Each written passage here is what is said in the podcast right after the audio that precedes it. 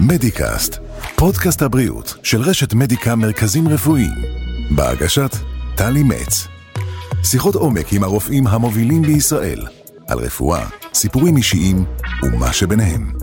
הרבה מאוד מבעיות הראייה ובעיות בעיניים בכלל נגרמות אה, בגלל מחלות רשתית. אחת הדרכים לטפל במחלות האלה היא בעזרת הזרקה לעין. נכון, זה נשמע קצת מפחיד ומלחיץ, אבל מתברר שמדובר בטיפול שהוא מאוד נפוץ וגם מאוד יעיל.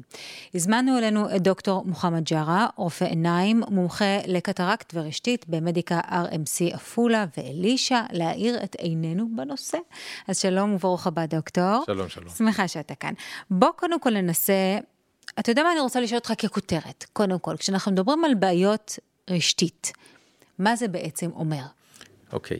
רשתית היא רקמה אה, נוירולוגית, רקמה עצבית, שמהווה את הדופן הפנימית של העין. אור שנכנס לעין עובר שלושה תהליכים עד שאנחנו רואים תמונות.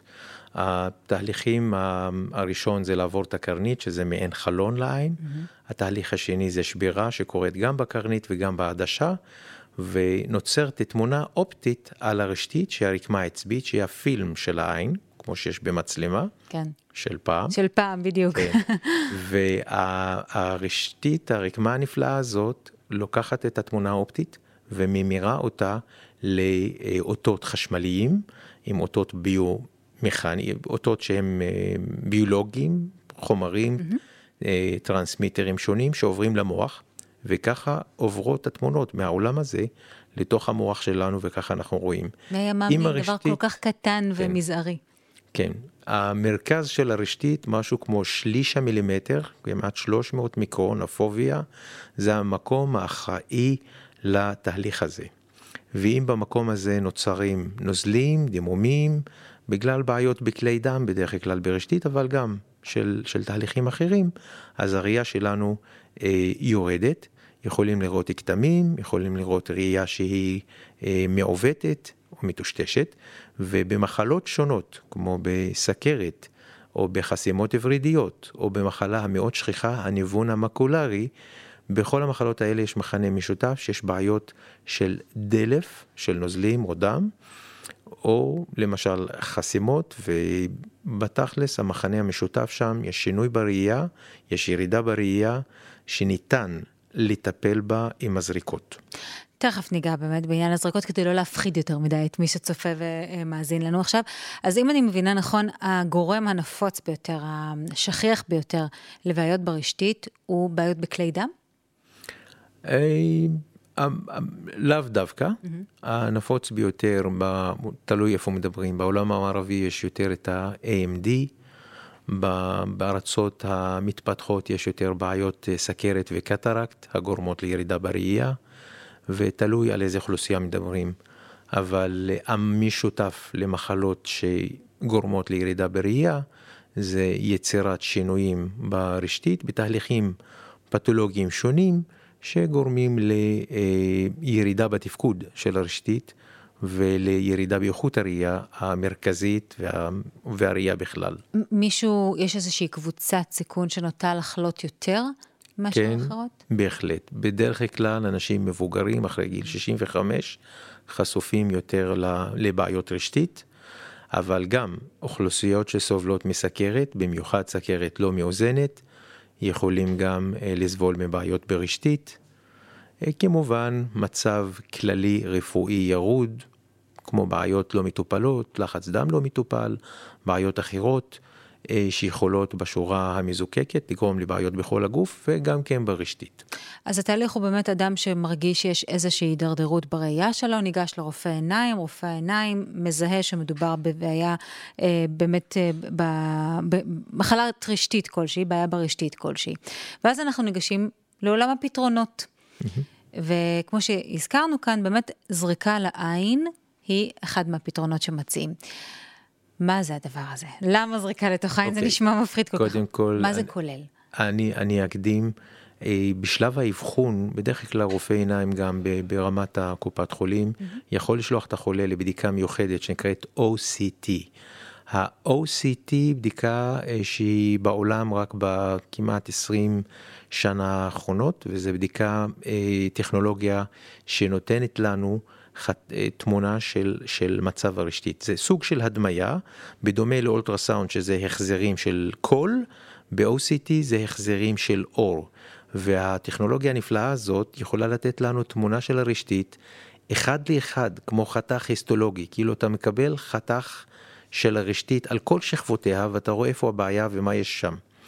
וכשעושים OCT אפשר ב- ל- לראות שהבעיה היא רופא העיניים כמובן, מאבחן ויכול לשלוח את החולה לטיפול בזריקות.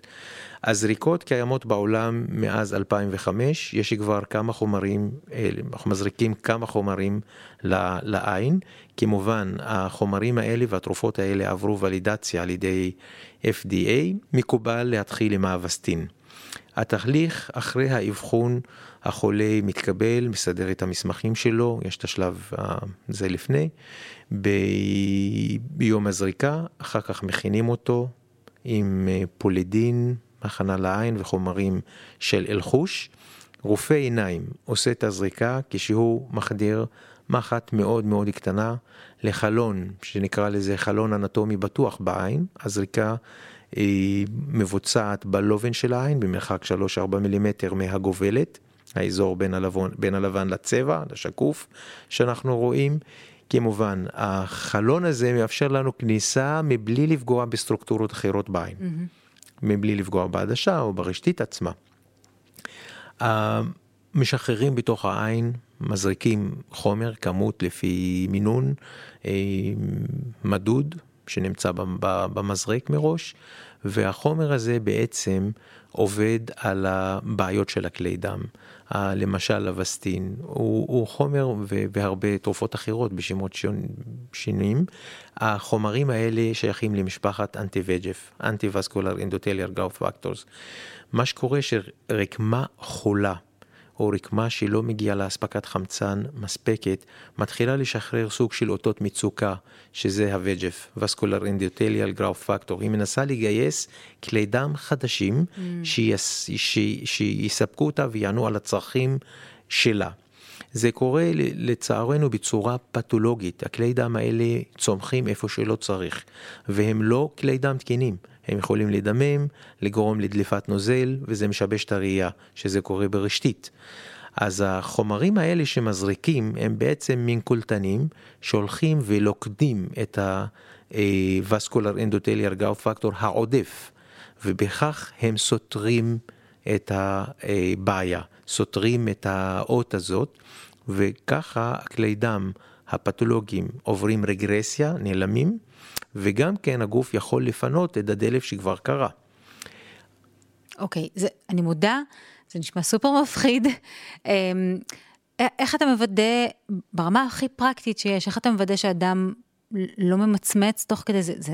כן, בתהליך ההזרקה עצמו מתחיל עם הכנה של אלחוש, okay. אוקיי. אחר כך שמים איזה ספקולום, הבן אדם לא מרגיש אותו, mm. והספקולום הזה אה, שומר על העפעפיים רחוקים מה, מהאתר של ההזרקה, וכמובן עושים חיטוי ומחדירים את המחט בצורה, באתר ה...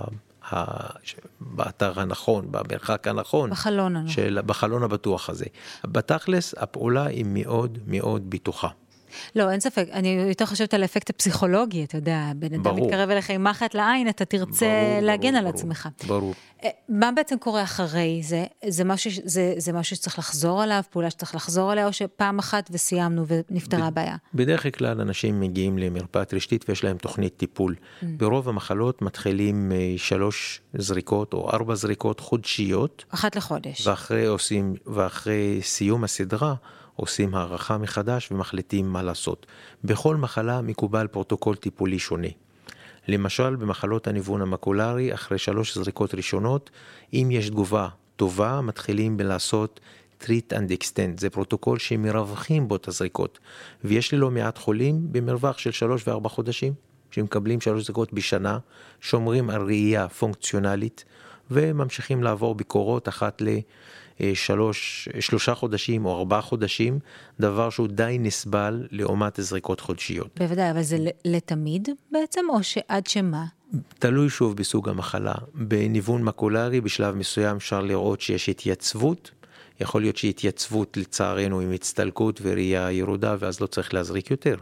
ולפעמים יש התייצבות ואין חזרה של המחלה ואפשר לעשות הפסקות ולבדוק ולנטר. בחולי סכרת כבר הוכח בהרבה אה, עבודות מהספרות הרפואית שאפשר עם השנים, עם איזון סכרת טוב, mm-hmm. לרדת במספר הזריקות פר שנה ואפילו להפסיק. ורואים את זה גם בעבודה היומיומית. חולים סכרתיים שמתאזנים טוב, המספר הזריקות פר שנה יורד, הם שומרים על הראייה שלהם, ואפשר אה, פשוט מאוד גם לעקוב על, אחריהם בשלבים מסוימים, בלי זריקות. באיזה שלב בממוצע, כמובן שזה תלוי מחלה ותלוי אדם, באיזה שלב המטופל יתחיל להרגיש שיפור? יש מטופלים שמדווחים על שיפור מהזריקה הראשונה. Mm-hmm. ויש כאלה שמרגישים את זה כל פעם שעושים את הזריקה, מרגישים את השיפור, אחר כך זה דועך, ותלוי שוב בסוג המחלה ופרופיל החולה. אבל בדרך כלל, אחרי שלוש זריקות אמור להיות שיפור, גם זה מה שראינו בעבודות הקליניות שבכלל, אה, מה שנקרא סלילות הדרך לזריקות העיניות. שלוש זריקות זה המנת התחלה שכנראה... להניע את זה. בדיוק, מתחילה להניע את התהליך, גם לעצור את המחלה וגם להביא לגן, לרווח, mm-hmm. מבחינת ראייה. וזה מה שטוב בזריקות, הן לא רק מטפלות ומייצבות, הן מחזירות ראייה. אנשים חוזרים לעבוד, לנהוג אחרי זריקות, ואם המטופל נרתם לתוכנית הטיפול שלו, יכולים גם להגיע למצב שאת הירידה הראשונה שהוא חווה לפני, הוא לא יחווה שוב. מדהים, תשמע, זה נשמע כמו פתרון מאוד מאוד מתקדם עבור בעיה. אני חייבת לסיים איתך בשאלה אישית, אם אתה מרשה לי כמובן. כמובן. אתה נשוי לאישה שגם היא רופאה. כן. איך זה עובד בעצם, להיות שני רופאים בבית? זה לא מתנגש כל הזמן? מתנגש, התוכנית היא לתכנן אה, הרבה הרבה זמן קדימה. כן. אז במטבח אה, לא תולים שם הרבה תמונות משפחה. יש... אה, יש מחיר. יש אה, מה שנקרא לוח שנה גדול מאוד, כל אחד שם את ההערות שלו. נראה לי עכשיו אנחנו רבים על אוקטובר. אה, אוקטובר זה טוב, אתם במצב טוב, עם אוקטובר כן. זה, אתם אם, שומרים על הממוצע. אם מתכוננים מראש, אז כן, אפשר אה, זה. שילדים ילכו בעקבותיכם, אני מקווה. תודה, תודה.